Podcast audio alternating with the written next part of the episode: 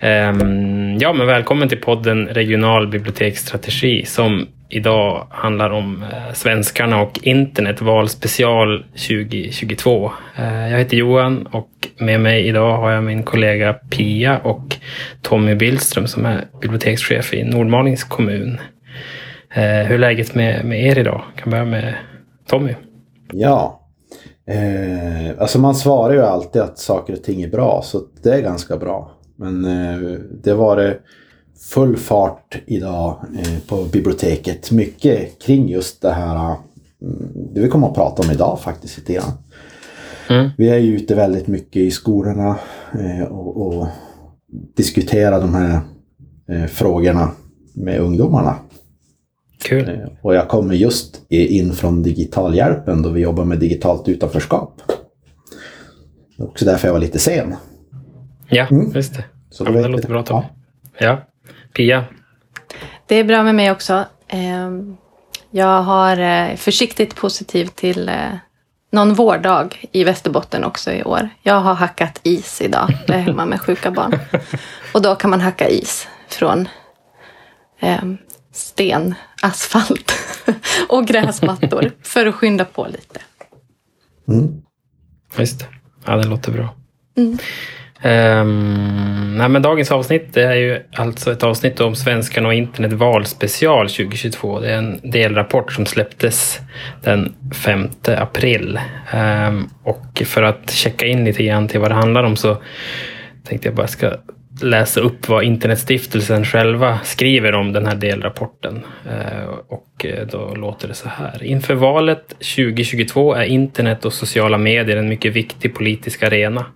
Eh, och svenska väljare är vana att ta del av stora mängder politisk information och budskap. Nätet är en plats där vi tar del av andras politiska åsikter och uttrycker våra egna. Internet har öppnat nya möjligheter till deltagande och engagemang. Men det politiska samtalet på nätet präglas också av ett hårt debattklimat där eh, många utsätts för hat eller hot kopplat till politiska åsikter. Eh, det finns även en utbredd oro för falsk eller vilseledande information som riskerar att minska förtroendet för det politiska innehållet eh, på nätet. Eh, och vilket ansvar har de sociala medieplattformarna för det innehåll som postas där och hur kan vi skapa en digital miljö där fler vill engagera sig politiskt och delta i samhällsdebatten? Ehm, ja, som sagt. Eh, det är det vi ska prata om idag. Och eh, tyvärr missade jag själv livesändningen när den presenterades. Eh, men jag har läst den nu i efterhand. Såg ni presentationen live den 5 april? Jag såg den. Det var en bra, en bra genomgång tycker jag. Bra sätt att, att presentera rapporten mm. och resultaten. Och sen var det också några inbjudna gäster som fick reflektera inför särskilda frågor eh, utifrån lite olika perspektiv efteråt. Och den här sändningen ligger kvar fortfarande på Internetstiftelsens webb. Och jag tror att den går att se fortfarande. Just det. Alltså, jag ser all, all, aldrig, eh, utan jag, jag läser rapporter. Eh, jag kan väl också det är inte synd om men jag, jag säger det att jag, jag läst dem ju på, på helgen oftast. Um, jag tänker att det är ju en, en otrolig, otroligt viktig del av vårt arbete men det är ibland lite så oklart hur man ska kunna eh, få lite formell tid mm. eh, till de här sakerna. Men jag skulle gärna vilja se den där och eh, lite tråkigt om jag missar de här expertutlåtandena för att jag jag kan väl säga att det jag initialt eh, tyckte då jag läste den här, att äten kanske är lite ytlig. Eh, mm. Och att det finns några saker som man skulle behöva djupdyka i lite grann, kan jag tycka. Mm. Just det. Du kanske kom till um, de sakerna. Ja, ja men jag tror det. Eh, när man ska dra lite grann från inledningen av rapporten då, när den, den, den som nu finns, eh, så säger de också att digitaliseringen sker snabbt inom de flesta områden, också i politiken. Och inför riksdagsvalet valet år 2014 tog inte ens hälften av svenska väljare del av politisk information på internet. Men redan vid valet 2018 så hade internet blivit eh, mycket viktigt för att hämta information föra politiska samtal. Eh, och inför det kommande valet nu då i höst 2022 så ser vi att särskilt sociala medier har en framträdande roll. Eh, och det är där de politiska diskussionerna äger rum. Men sociala medier är också en viktig källa för politisk information. Eh, och spontant så känns det som att, ja, det har vi pratat om, det är ju därför vi sitter kanske här idag också. Det finns jättemånga biblioteksingångar i, i det förstås. Eh, jag kan ju tänka, spontant kan jag ju, den första reflektionen som man får eh, eftersom man gjorde den här undersökningen 2014 18? 18? Vad blir det? Ja. Mm. mm. Den, den, den, spontana reaktionen är ju att det har gått så otroligt snabbt. Eh, det, det, känns för oss eh, inte som så länge sedan, men om man, om man tittar på de här siffrorna så ser man ju att det har skett en enorm utveckling.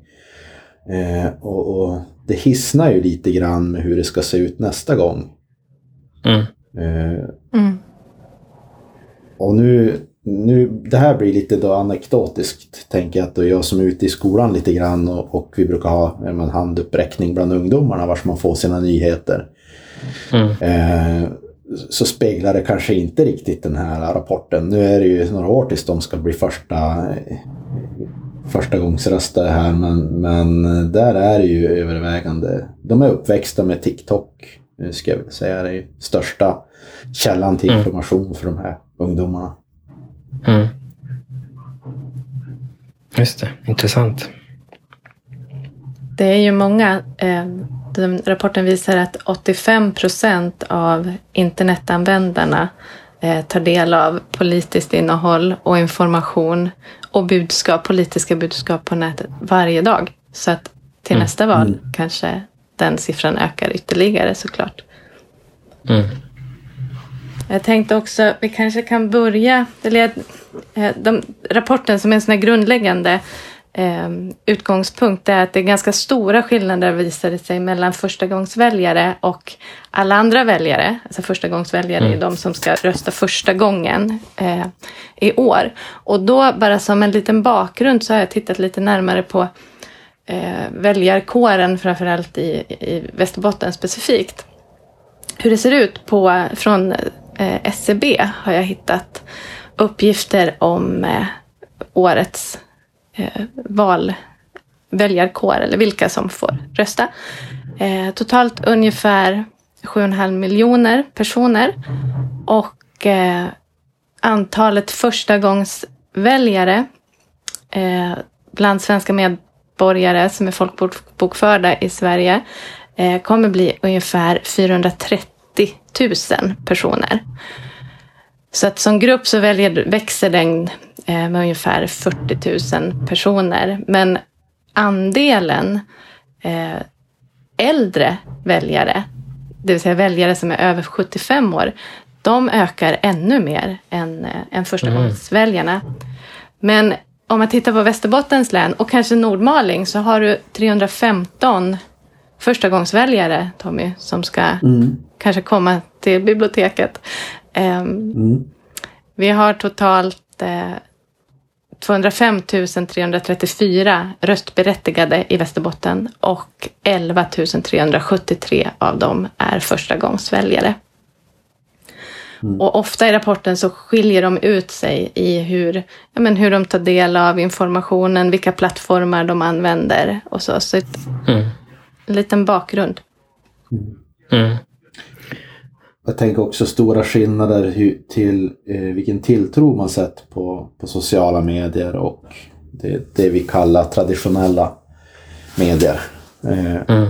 det, det, är också en, en sak som vi gärna vill jobba lite mer med och tycker är viktigt det här med att då man jobbar med media och informationskunskap så jobbar man ju inte bara med sociala medier utan det handlar ju också om att, att berätta hur det funkar i Sverige. Eh, press, pressetik och journalistik och de här viktiga frågorna.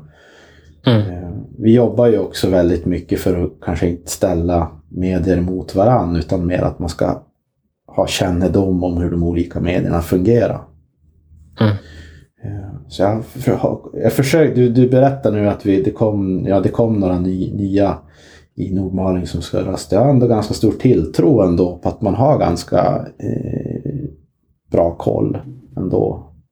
I alla fall om man har en skolbibliotekarie i kommunen så är man ju ändå på något vis lite säkrad.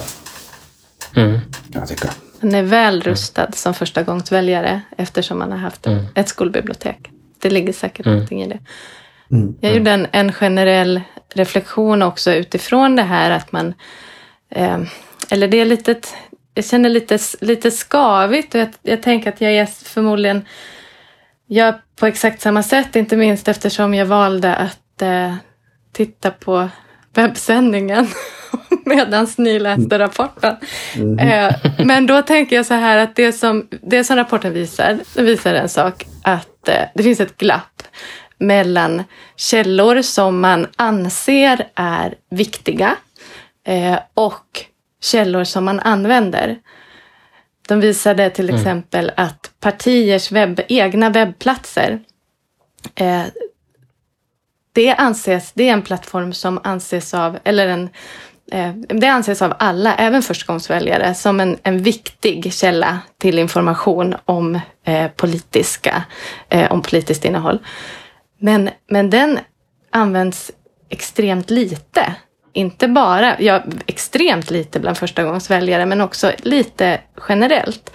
Eh, däremot så använder man ju sociala medier i betydligt större eh, utsträckning än de här partivebbarna. Eh, Men rapporten visar då också att det finns en generellt låg tilltro till politiskt innehåll eh, på sociala medier. Också bland förstagångsväljare och bland, bland alla väljare. Så att man, man använder, det finns, ja men ni förstår vad jag menar, det finns en, en eh,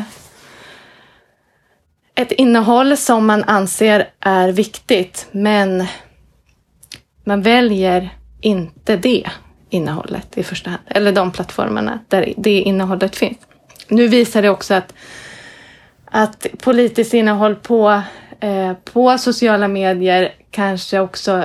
Eh, det är ganska mycket redaktionellt innehåll där också. Eh, Som man ändå kan tänka, ja men det blir någon blandning. Det är svårt att säga vad är traditionella medier och vad är Precis. eh, vad är det sociala när det, när det ena publiceras på det andra sådär. Men, men ändå ett litet sådär. Det, det, visade, det visade ett glapp och det finns någon slags, eh, något skavigt i det tycker jag. Mm. Ja, jag, jag, jag, jag tänkte direkt det här, precis det du säger. Tänkte jag också med just det här med att det är, det är skillnad på redaktionellt arbete och det som inte är det. Och det är viktigt att veta Mm. skillnaden. Eh, nu har jag som sagt just, just varit ute ganska mycket i skolan och man pratar ju ganska mycket om, om filterbubblor eh, till exempel. Eh, Som jag tänker ändå är en, en som är bidragande orsak till att man bara hamnar att man hamnar oftast på, på ett visst ställe och kanske inte hamnar på politikernas webbsidor. Eh, och vi har tittat på forskning eh, men det är klart att det är ju ändå ganska eh, en, en ny företeelse. Men min, min li, lite så här spontana reaktioner som jag upplevde med det jag pratar bland ungdomarna är kanske att det inte är så farligt att vara i en filterbubbla om man är medveten om det. Och medveten Mm. om hur det fungerar. Eh, Just det. och, och jag, jag, jag tror väl kanske det, och det har vi säkert de flesta som jobbar med det här pratat om ganska mycket, att, de här soci- att sociala medier drivs av en annan typ av, ja men det ska vara snabba klick och det ska vara bilder och, och det ska vara lite kontroversiellt gärna om man ska det spegla till människors känslor. Och det, Mm. det är klart, det är ju inte en informativ eh, politisk webbsida. Slår ju inte eh, så hårt i de lägena. Nej. Eh, vi kommer väl in på det lite, så jag tror det är en av de sista delarna Ja, ja. av rapporten som, som handlar om just det här med hur algoritmerna funkar och hur, hur mycket man tycker att de ska, plattformarna ska, ska bestämma själva. Men det har ju också hänt ganska mycket där om man tänker, jag tänker att eh, Trump-eran har ju som gjort att de åtminstone har börjat jobba med den mer och mer. Eh, Jag minns att om man tar Youtube som exempel så har de ju börjat jobba mycket mer med det så att man just inte ska ledas in på en sån där, eh, åtminstone planen sån. Sen vet inte mm. jag hur det, hur det ser ut i, i, verkligheten idag, men att man inte ska hamna in på de här extrem, extrema eh, grejerna liksom, för att algoritmen styr dit. Liksom. Mm. Så det finns en medvetenhet där i alla fall. Ja, nu får du ju skylla dig själv om du vill att vi ska spara den här diskussionen lite till senare. Men jag, jag tänkte, eh, det var en av de här sakerna som jag reagerade ganska starkt på i den här rapporten ändå. Hur, hur alltså att sätta tilltro till eh, att de här stora företagen ska kunna välja vad som är sant eller falskt. Eh, då måste man också vara medveten om att, att då är det algoritmerna som styr det kommer ju aldrig vara en person som sitter och, och plockar de här sakerna. Det, det, här, det här är ju faktiskt en fara för demokratin. Vi kan inte lämna ifrån oss eh, det här ansvaret. Viktiga eh, saker som också kan begränsa människors sätt att uttrycka sig. Det kan vi ju aldrig lämna över till eh, eh algoritmer. Jag kan säga nästan att jag blev lite chockad över hur, hur stor tilltro man ändå alltså att man inte slår mer bakut för just, för just den diskussionen. Ja, men då får vi fortsätta på den här, det här spåret. Eh, efter, för jag reagerar på samma sak. Att, och att det är så många människor som eh, vill tillåta eh, plattformarna att, att eh, rensa eh, innehåll och markera innehåll.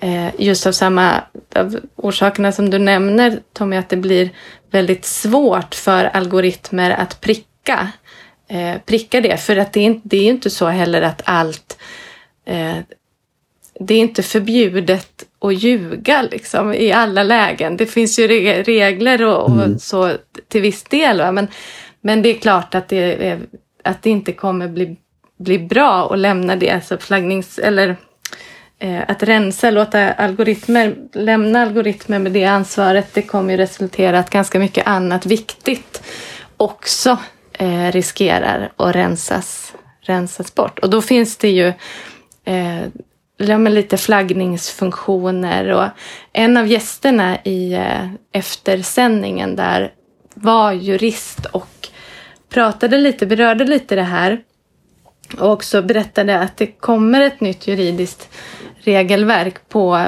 på EU-nivå eh, som, eh, som kommer innehålla lagstiftning på något sätt. Man har inte sett det än tydligen, men det, det är på gång. Och där ska tydligen plattformarna ändå ta lite större ansvar. Eh, bland annat, som jag förstod det, genom att de här flaggningsfunktionerna som finns nu, att man kan flagga och då, då finns det också, eh, det skulle bygga på att man eh, som plattform om man erbjuder en sån här flaggningsfunktion, då, ställer man också, då har man också krav på sig att följa upp på ett annat sätt. Både den som har flaggat, men också den som har så att säga flaggats.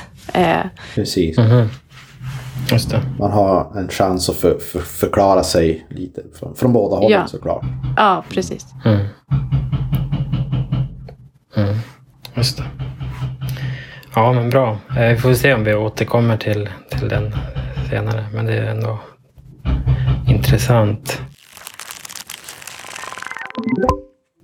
Um, någonting som jag reagerade på det var ju definitivt att det ändå var så tydligt att tv har högsta förtroendet. Det är ju så här, det, eh, man som, åtminstone jag har som matats under speciellt de här åren nu, jag vet inte hur långt man kan gå tillbaka, men flera år i alla fall där man har pratat om precis motsatsen. Och, eh, så det var, det var verkligen intressant. TV har högsta förtroendet eh, och om man nu pratar om det som vi sa alldeles nyss också, traditionella eh, medier som liksom har det högsta förtroendet från, från väljarna. Ehm, och att en majoritet tycker att större delen av den politiska informationen i tv, radio och dagstidningar är pålitlig. Ehm. Mm. Och som sagt, vi är ju... Eh, mycket av vår verksamhet nu har ju kretsat kring det som hände eh, ute i världen, kriget. Eh, också mm. en, en... Jag tycker att det är egentligen ett, ett tillfälle att ta upp lite grann ja, men hur journalistik fungerar och, och, och, och lyfta fram de sakerna. Eh, och det är omöjligt att läsa sig i, i en sån här uh, rapport men, men eh, det jag eh, funderar på om man säger som, som utbildare och, och, och så här, då, då tänker jag lite grann, ja men hur, hur är det för att man känner till hur det fungerar eller är det något som man lite mer in, in alltså man får en känsla av att det här är tryggt och bättre. Och, men det vet man ju såklart inte. Men det är, det är jätteviktiga frågor och, och eh, jag tänker att vi som samhälle också kanske ska bli lite bättre faktiskt. På, vi måste stödja alltså journalistiskt arbete, redaktionellt arbete också, på, även på mm. social eller på internet. Mm. Mm. Jag ska väl nämna det här också att de uh, var, har varit väldigt snabba också med att få in det även om de inte har fått in Eh, just den delen i rapporten kring just kriget eh, i Ukraina. Eh, men de har ändå, har ändå varit tydliga flera gånger under rapporten med att understryka att undersökningen genomfördes i december 2021 innan kriget. och just det här med att omvälvande världshändelser mycket väl kan påverka framförallt oron för desinformation som maktmedel. Samtidigt som det liksom uppmärksam, uppmärksammas i, i media. Då. De hade, eh, de har ställt om den, den frågan efter, eh, eller de har ställt om några av de frågorna igen uppenbarligen. Och, eh, hade inte gjort någon djupare analys av det men kunde konstatera att det var inte så stor skillnad i resultaten eh, nu heller när de ställde om frågan efter Rysslands mm. invasion. Mm. Men eh, ja, jag kommer ju nu, nu byter jag lite samtalsämne nu, men innan vi var ute och gjorde de, de här bitarna så tittade vi lite, vi försökte eh, men vi försöker hålla oss uppdaterade kring forskning och, och det som vi tittar på. Eh, nu kommer jag att totalt eh, slakta den här stackars forskarens namn. Ahmed Kara, Kare, Karehavic. Jag tror han jobbar på Linköpings universitet som har forskat lite grann på ja, men digitalt utanförskap och, och de här frågorna eh, på utlandsfödda. Eh, och det, det, var faktiskt det första som jag tänkte reagera på den här eh, rapporten. Att man skulle vilja se lite mer djupgående hur det, vad det kan få för konsekvenser för till exempel den målgruppen. Eh, och hans eh, forskning tycker jag också är viktig. Eh, man kan lyfta upp fram i de här sammanhangen. Eh, eh, blir lite grovhugget. Eh, ja, men som det såklart måste bli. Eh, de har ju sina begränsningar. Men det finns mer att djupdyka i, tänker jag. Mm. Ja, definitivt.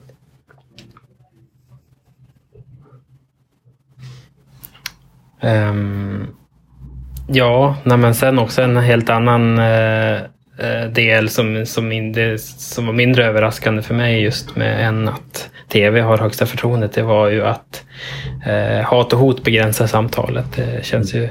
Eh, det var mer... Eh, eller var mindre överraskande, eh, men ändå fortsatt tråkigt. Ehm, eh, vad var det de sa nu Totalt har knappt var tionde internetanvändare utsatts för hat eller hot kopplat till politiska åsikter. Eh, och bland de som diskuterar politik på nätet är det var femte. Eh, och det är ändå en hög, mm. hög siffra. Eh, även om det inte var överraskande så var det ändå en hög, hög siffra. tycker jag. Men det är ju ganska skrämmande siffror. Egentligen mm. om man tänkt nu med, med hur fantastiskt det ändå är med, med det här sättet att vi kan kommunicera med varandra. Eh, och att man då blir begränsad av att man inte... Man kan inte vara med i en, en, den här demokratiska processen lite grann för man är rädd för mm. hot. Och, och, Pia, du som, du som hade lyssnat på den här jag menar, expertpanelen. För det var ju några konstiga siffror här kring, kring mäns upplevelse av eh, hot. Pratar de något om det? Ja, de lyfte det, men nu känner jag att jag inte riktigt vågar svara definitivt. Men det, det fanns en skillnad och en del av den skillnaden eh, tro, pratade de om eh, som att det, det, finns en viss, det finns en skillnad i hur hoten eh, mot män respektive kvinnor liksom tar sig uttryck. Mm. Att det är mera direkta hot om våld kanske oftare för, som män drabbas av. Medan mm. kvinnor drabbas av andra typer av, av hot också. Det kan vara hot om eh, ja, men mer sådär eh, otydliga hot och kanske om sexuellt våld och, och så. Så att, att han, det var eh, Marcende Kaminski på, på Civil Rights Defenders som var en av dem som, eh, som pratade om, om just, just det och nämnde det. Men då jag uppmanar er att eh, att lyssna på det lyssna eh, istället. Men han gjorde en väldigt bra, en annan väldigt bra reflektion just om det här kring det här öppna samtalet och, och att för det första är det ju hemskt, hemskt viktigt att det liksom inte tystnar. Eh, och om hot och, och hat och eh, alltså att risken är så mycket större eh, än för de som drabbas direkt därför att det också kan påverka då att, att, eh, att folk inte alls eh, vågar eller är oroliga för att engagera sig eller att uttrycka sig. Mm. Eh, så det kan ju vara långt, långt mer allvarligt än, än eller långt mer omfattande mm. än för de som drabbas direkt. Eh, men det visade också rapporten att det verkar inte vara liksom ett helt sluttande, eh, sluttande utförsbacke på det här. För att än så länge så visar det i alla fall att oftare så innebär det här hårdare klimatet eller samtalsklimatet att människor delvis begränsar sig eller väljer var någonstans de uttrycker sig snarare än att de helt och hållet slutar att, eh, mm. att uttrycka sig. Ehm, men det här, det, det var viktigt lyftes det och jag tycker att det var så bra att, att inte behandla liksom, eh, hat och hot på, på internet som någon digital särart utan att det mm. finns hela tiden kopplingar och de, de kopplingarna måste framhävas tydligt hela tiden. Att det finns att de, de existerar mellan digitala hot och digitala frågor och den här liksom kött, köttvärlden. Eh, så att det inte blir, eh, att vi inte skiljer för mycket eh, och separerar de här sakerna för att det får direkta konsekvenser i i köttvärlden också så att det inte betraktas som en, eh, det som händer på, på internet. Så jag, tyckte, jag, jag, tyckte det är roligt att diskutera de här frågorna. Jag vill inte heller låta som någon sur gubbe som, som bara tycker att det, det blev för grov, grova drag. Men jag, och jag hör det du säger lite grann och det speglar också mina funderingar lite grann. Att ja, men, det är fruktansvärt om man blir begränsad av till exempel hot av sexuellt våld. Fast jag tror att det finns nyanser också. Hur, hur begränsade blir vi av saker som, som kanske inte är direkt våld? Jag tänker också det att jag, jag skulle kunna... En, en tolkning som jag fick är att, att eh, då jag uttrycker mig eh, på nätet eh, och, jag, jag som man mot andra män, det kan bli ganska direkt. Alltså någon kan bli... Men det finns ju så här som sagt nyanser på det också. Att det kanske inte är direkt hot. Det behöver inte vara hot om våld. Det behöver inte vara hot om sexuellt våld. Men att man, man kan bli begränsad ändå. I, i, man blir ifrågasatt som mamma eller förälder eller, eller de här bitarna. Så här känns det som att det, vi är som bara att skrapa lite på ytan vad det här egentligen betyder. Eh, mm. För oss som samhälle.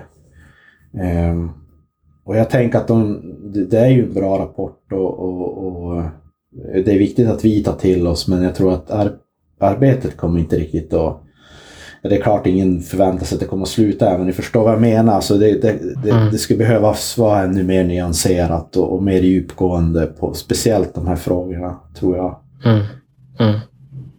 Ja, jag tänker just mycket på det där tryggheten i, eh, ja men alltså att, eh, som återkopplat till bibliotekens uppdrag, demokratiska uppdrag, att allas röster ska få höras och, det som det då gör i det här fallet. Eh, även om man då, eh, som, som du säger Pia, så, så fanns det en del positiva delar också. Särskilt det här med att eh, faktiskt unga är både aktiva eh, eh i, det här men också är positiv, ser positivt på sina möjligheter att påverka genom att delta. Eh, så går det inte att blunda för de röster som då inte hörs eh, för att man är ska Så att den där, bygga den där tryggheten i det demokratiska samtalet. Liksom.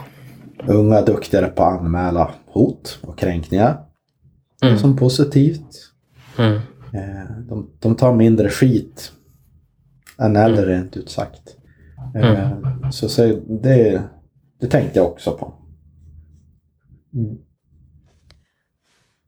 Men det här tänker jag eh, att alltså ett hot om att, eh, att människor tystnar eh, på nätet och inte engagera sig. Det är ju ett, ett konkret, det är ju ett, ett hot eh, mot demokratin. Och då, eh, då kan man ju tänka att det är ju en, eh, en viktig del av bibliotekens demokratiuppdrag. Liksom, att på något sätt främja ett engagemang för eh, politik och samhällsfrågor. Mm. Alltså, eh, jag funderar jättemycket på det. Jag håller med till 100 procent. Eh, men också om vi ska vara lite självkritiska så är vi inte riktigt där. Kan jag tycka alla gånger. Eh, nu känns det som att vi har hoppat lite mer till den här vad ska jag säga, folkbildningsdelen av det här med medie och informationskunskap. Och det kanske måste vara så att vi tar ett steg i taget. Mm, ja men att hålla, orka liksom, orka år, år ut och år in, hålla igång det där samtalet. Mm. Eh, för, att, för att skapa och bibehålla ett engagemang för olika saker, olika frågor, inte minst det politiska. Mm. Yes, ja men bra. Uh... En annan sak som jag reagerade på eh, som också har en viss eh, koppling till er i, just i Nordmaling för att jag såg en jättefin artikel eh, på Digiteket häromdagen. Eh, det är ju att förstagångsväljarna tar främst del av politiskt innehåll på Instagram. Eh, mm. Har du någon kommentar på det Tommy? alltså bara egentligen så Ja, det är fantastiskt så duktig Nordmaling är i, i alla... Eh, ja, men om jag ska vara lite om jag ska vara lite seriös kring de här bitarna. Eh, en del av det här är att vi kanske jobbar lite mer, alltså vi, vi jobbar ju, vi är mitt i en högstadieskola. Vi, vi får ju faktiskt lite hjälp med de här bitarna av eh, ungdomarna eh, nu. Och det ska jag inte skämta bort, alltså det avspeglar sig ju i, i annat arbete också. Ehm, och vi kommer också ha nu lite föreläsningar kring, eh, ja men det, egentligen kring TikTok och demokrati kommer att komma i Normaling och så här. Eh, och, och då man jobbar med de här sakerna så är det som att saker bara rullar på och det kommer sig naturligt. Men om man stannar upp och tänker efter, ja, men varför har vi hamnat här? Jo, eh, det var, våra satsningar på sociala medier och Instagram har inte varit helt oviktig. Eh, delaktigheten bland ungdomarna har varit jätteviktig faktiskt för oss eh, att få, få lite koll. Så, ja men ni vet ju säkert att jag är ju ändå väldigt stolt över eh, just den här Instagram-satsningen och jag tycker att det har funkat väldigt bra. Eh, och det, det, blir viktigt i de här lite mer allvarliga eh, samtalen också, även om man Även om vi ibland har bett med en dräkt och allt möjligt konstigt på oss i, i de här inläggen så, så det är en, en viktig del i en större helhet skulle jag vilja säga. Mm. Mm. Ja, jättebra. Eh, jag tänkte, ska vi göra en snabb, eh, kan göra en snabb gallup här bara bland oss? Eh, för det, det kommer också fram att Eh, ja, men så det här, bland personer födda på 90-talet så är Facebook och Instagram ungefär jämnstora i just det här att ta del av politiskt innehåll. Eh, bland personer födda på 80-talet eller tidigare så är Facebook tydligt den mest använda sociala medieplattformen för att ta del av politiskt innehåll. Ehm, jag kan väl bara känna själv att det, ja, jag är född på 80-talet och det stämmer. stämmer. Ja. Stämmer väldigt bra för mig också. Jag är också född på 80-talet. Mm. Jag är född, jag är född 78. Jag fuskar lite där. Ja, men det var faktiskt tidigare. Så att ja. 80-talet eller tidigare. Så, det mm. så och det stämmer ju ganska väl det här med, med eh, Facebook och, och sådana saker. Men jag tyckte, på, på tal om nu den här eh, rapporten, så var Discord med eh, också som en Eh, viktig. Eh, och en sak som jag tänker kanske att som har försvunnit, det är ju lite grann det jag är uppväxt med, att man hade specialforum, intresseforum. Eh, det kanske har kommit lite i skymundan, men det finns ju också. Men Discord är ju ett jättebra exempel. Alltså jag är ju, jag är ju gammal, jag är inte så, egentligen så jätte naturligt dragen till, de här sociala medierna. Eh, men det är ju ungdomarna här som lär mig. Så nu ja, jag, jag tror att det visade väl så. Du har koll på dem. Jag, har, mm. jag tror att det var, det var så, eller det var ganska tydligt i rapporten att, att de då förstagångsväljarna, eh, där, låg, där var Instagram absolut vanligast. Men mm. sen låg Facebook, Twitter och Discord på ungefär samma, mm. eh, liksom, samma andra plats. Mm. mm. Ja, det är också fascinerande faktiskt. Mm. Sant. Men hur tycker du Tommy, när du är i, eh, i, i Nordmalen, jag tänker på det här som rapporten visar också som vi eh, märker själva också att det är fortfarande mycket engångskommunikation eh, på de här sociala medieplattformarna. Eh, rapporten visade på så sätt att en väldigt hög andel, framförallt förstagångsväljare, anser att internet ger större möjlighet att ta del av politisk information.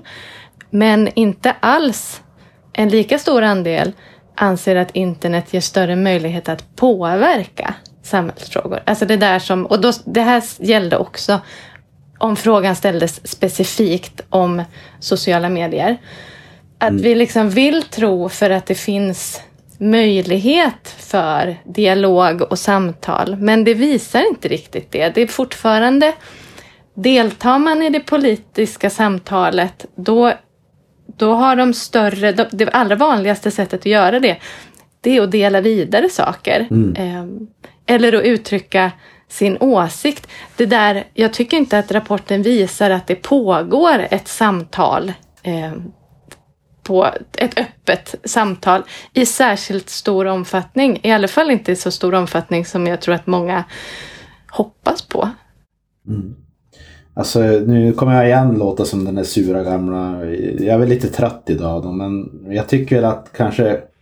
Här tycker jag också att det skulle ha varit fint om biblioteken hade hunnit lite längre. För tanken är ju eh, till exempel få kontakt med din lokala politiker. Eh, så, så får man ju kanske inte riktigt via sociala medier. Det är som underutnyttjat på det sättet. Eh, och här nu specifikt i Nordmaling då vi har pratat om de här sakerna så förekommer ju ganska mycket eh, egentligen hot och hat mot lokala politiker på sociala medier. Så att självklart blir det så att man, man drar sig för att eh, engagera sig allt för mycket i den där plattformen. Och, och det här tänker jag ju är ett, ett problem då som, som egentligen så om man hade jobbat med det kanske lite på mer tidigt stadium, att man kanske haft den här bättre kontakten. Eh, gärna, och nu kan väl, om vi plockar fram ett bibliotek som jag tycker har varit ganska duktig ändå, Malå har ju haft eh, ganska mycket eh, i alla fall livesändningar på politiska debatter från biblioteket och så här. De har ju jobbat ganska eh, Eh, bra på det sättet. Jag gillar ju den här idén att, att man som bibliotek och hållit arrangemang kan fånga upp frågor på sociala medier, digitalt, vara tillgänglig men kanske vara det här filtret också som gör det lite tryggare. Ställa frågor. Eh, ibland kanske hjälpa till och, och eh, om man har, eh, och, och, formulera frågorna så att de kom fram på ett bra sätt. Eh, om man har problem med språket till exempel. Och, ja. Eh, så det var väl min tanke. Jag pratar så mycket så jag kommer egentligen inte ihåg vad du riktigt frågade, men vi var väl inne på den där biten kanske. Ja, men precis. Ja. Om ni på eran, i era sociala mediekanaler tycker du att ni uppnår? Har ni lyckats och vad har ni i så fall gjort liksom för att få den här Eh, delaktigheten eller mötet eller samtalet? Alltså, jag vet inte om vi bortsett från den där politiska diskussionen. Eh, alltså för biblioteket, då går det ju skitbra. Det, med, med den här delaktigheten och sådär. Det är ju toppen faktiskt. Eh, och det har jag väl sagt förut också att jag tycker att biblioteken får mycket att tjäna på att gå lite från verksamhet till lite mer eh, ja, men utnyttja den här delen av, av, biblioteket som kanske där man kan vara lite mer personlig och, och så här öppna upp för samtal. Och det blir som ett arbetssätt. Eh, ska jag också vilja säga att jag tänker ett, ett bra tips om någon som lyssnar på det här vill, vill kopiera hur vi har jobbat och hur vi har tänkt. Så jag tror att en, ett, ett enkelt sätt att börja det är att vara lite ödmjuk eh, och jobba med ungdomar. Så får man mycket skjuts på de här bitarna. Eh, man får mycket hjälp. Det är så jag tycker också biblioteken ska fungera också lite grann. Eh, vi, ibland är vi lite vi, vi, måste, vi måste jobba mer med hjärtat för att folk ska vara delaktiga. Våga öppna upp lite mer. Mm. Mm. Um, scrolla lite i våra uh, anteckningar och se vart vi, vad vi redan har pratat om och inte. Um, Ja, men här är väl ändå, vi har varit inne på det lite grann, men just att unga väljare är mindre oroade för nätpåverkan från utländska stater eller myndigheter i syfte att påverka valet. Eh, nämnde de någonting om det, eh, Pia, i webbsändningen också? Eh, ja, ehm, de...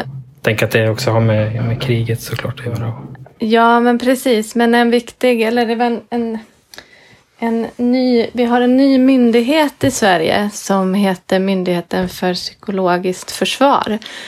Och eh, den har bara funnits ett par månader. Eh, och där var det en Jerker Sundstrand som var med och eh, reflekterade lite över rapporten.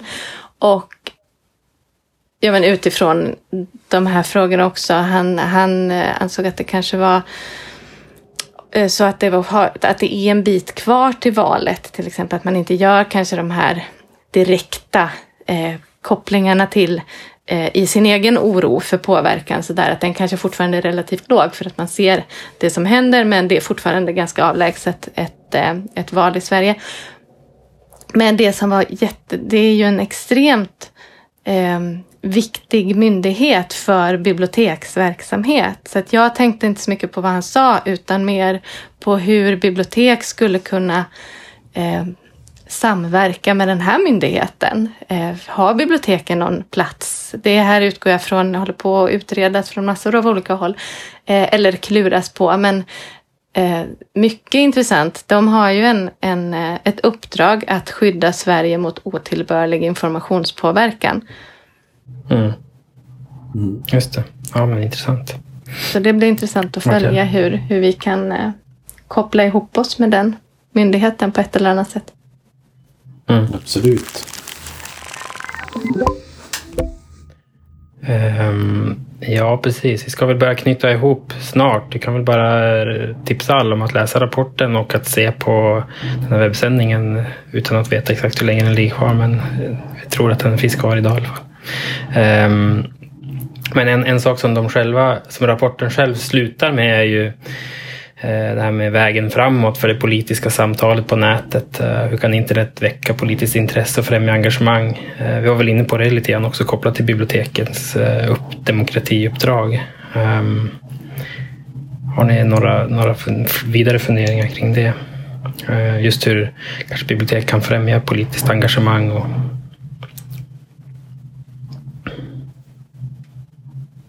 Säg att så såg ut som Pia skulle börja. Eh, jag tittade på dig. eh, ja, som sagt, nu är vi mitt uppe i det, det vi gör nu och eh, jag tänker att det, jag tror att vi som bibliotek känner att vi har ett tydligt uppdrag. Men det är inte alltid säkert att kommunerna hänger med på det. Ehm, så jag tänker att det som för oss i alla fall kanske blir det, det största eh, steget. Nu sitter vi med i de här grupperna som diskuterar de här frågorna. Ehm, och då tror jag att vi har stor möjlighet att, faktiskt på vårt på lilla eh, bibliotek på lokal nivå faktiskt vara en positiv kraft. Ehm, både för demokrati och samtal, och, och, men både på, på nätet och, eh, och som Pia sa, i köttet. Jag vet inte hur du uttryckte det. Kött, på kött. köttvärlden va? Ja, köttvärlden. Mm. Um, så jag, jag tänker att det är där vi jobbar ungefär och det är där vår ambition är att vara någonstans just nu. Mm. Mm. Ja, jag tänker också eh, att, eh, att fortsätta med det här. Vi har ju en biblioteksinfrastruktur. Eh, vi har ett uppdrag som eh, är väldigt tydligt kopplat till det här och att enträget fortsätta. Det här är långa processer som måste pågå hela tiden och samtidigt eh, kanske intensifieras och pröva, våga pröva nya sätt och liksom känna trygghet att man har det där. Det viktiga är att, eller en viktig sak är att hålla igång det här samtalet. Eh, och där kan mm. biblioteken vara en väldigt viktig plats för att eh, som, en, ja, men som den här mötesplatsen, arenan för, för att människor ska eh, känna att de har en plats där de kan få de här, den här typen av samtal till exempel. Mm. Tänkte säga det också, det här, det här får du då inte klippa bort nu eh, Johan. Det är ju, vi, jag tycker att vi har haft ett ganska lyckat arbete men, men den som egentligen har, har varit den som har gjort det stora jobbet, det är ju skolbibliotekarien. Det, och det är också, det är också typiskt, det är oftast är det bibliotekschefen som får sitta med i, i de här intervjuerna. Och, eh, men det, det, det, är ju egentligen ett testjobb och det var alltså otroligt mycket. Tänk att vara ute i, i alla klasser, prata om de här frågorna från, mm. från årskurs ja, men tre och till årskurs nio, det är ju ganska stor bredd på vad man behöver ta upp. Mm. Kopplat till Absolut. elevhälsan och, och för alltid då vi pratar om de här sakerna, vad kan biblioteket göra, även folkbiblioteket, då utgår man ju också från att man har förutsättningarna för att jobba med de här grejerna. Och de som inte, de kommuner som inte har en skolbibliotekarie, de borde faktiskt skämmas. Eh, för där har vi ju en sån otrolig eh, ja, men kunskap och, och tydligt uppdrag. Eh, som även kan, jag tänker, folkbibliotekets uppdrag. Eh, men jag, jag, tycker, jag, jag, vill ändå, jag vill ändå ta upp det. Alltså jag, jag tror att det, det blir jätte, jättefel att inte ha en skolbibliotekarie. Då vi pratar om de här sakerna. Eh, och det mm. som händer nu ute i världen också. Mm. Så det, det hade jag tänkt försöka klämma med i det här lilla samtalet. Ja, men det är jättebra. Yes. Um, uh, nej, men annars så tror jag det är dags att börja knyta ihop den här säcken. Vill du Pia säga någon avslutande ord? Uh, ja, men vi kan väl tipsa kanske om uh, Internetstiftelsens eventserie som följer nu på den här rapporten. Eh, de kommer och har redan tror jag bjudit in till och eh, kommunicerat tre tillfällen som kommer under maj med lite olika teman. Den 4 maj handlar det om sociala medier, ett hot mot demokratin. Den 11 maj eh, handlar det, är rubriken Därför är konspirationsteorier ett hot mot demokratin och den 18 maj är temat Hur stärker vi demokratin i en digital tid? Eh, de kommer säkert på ett eller annat sätt alla koppla till den här eh, rapporten, tror jag. Men kanske mm. vara en liten, ett litet steg mot de här lite fördjupande delarna som såklart inte ryms i en, eh, mm. i en delrapport av det här slaget. Just det. Ja, men toppen. Det blir en bra eh, avrundning. Eh, vi kanske får anledning att komma tillbaka till den här eh, rapporten eller någonting liknande. Eh, liknande samtal framöver. Men jättekul att ni ville vara med och prata om det här viktiga idag. Tack. Tack, tack. Ha det gott. Hej hej! Hej då. Hej då!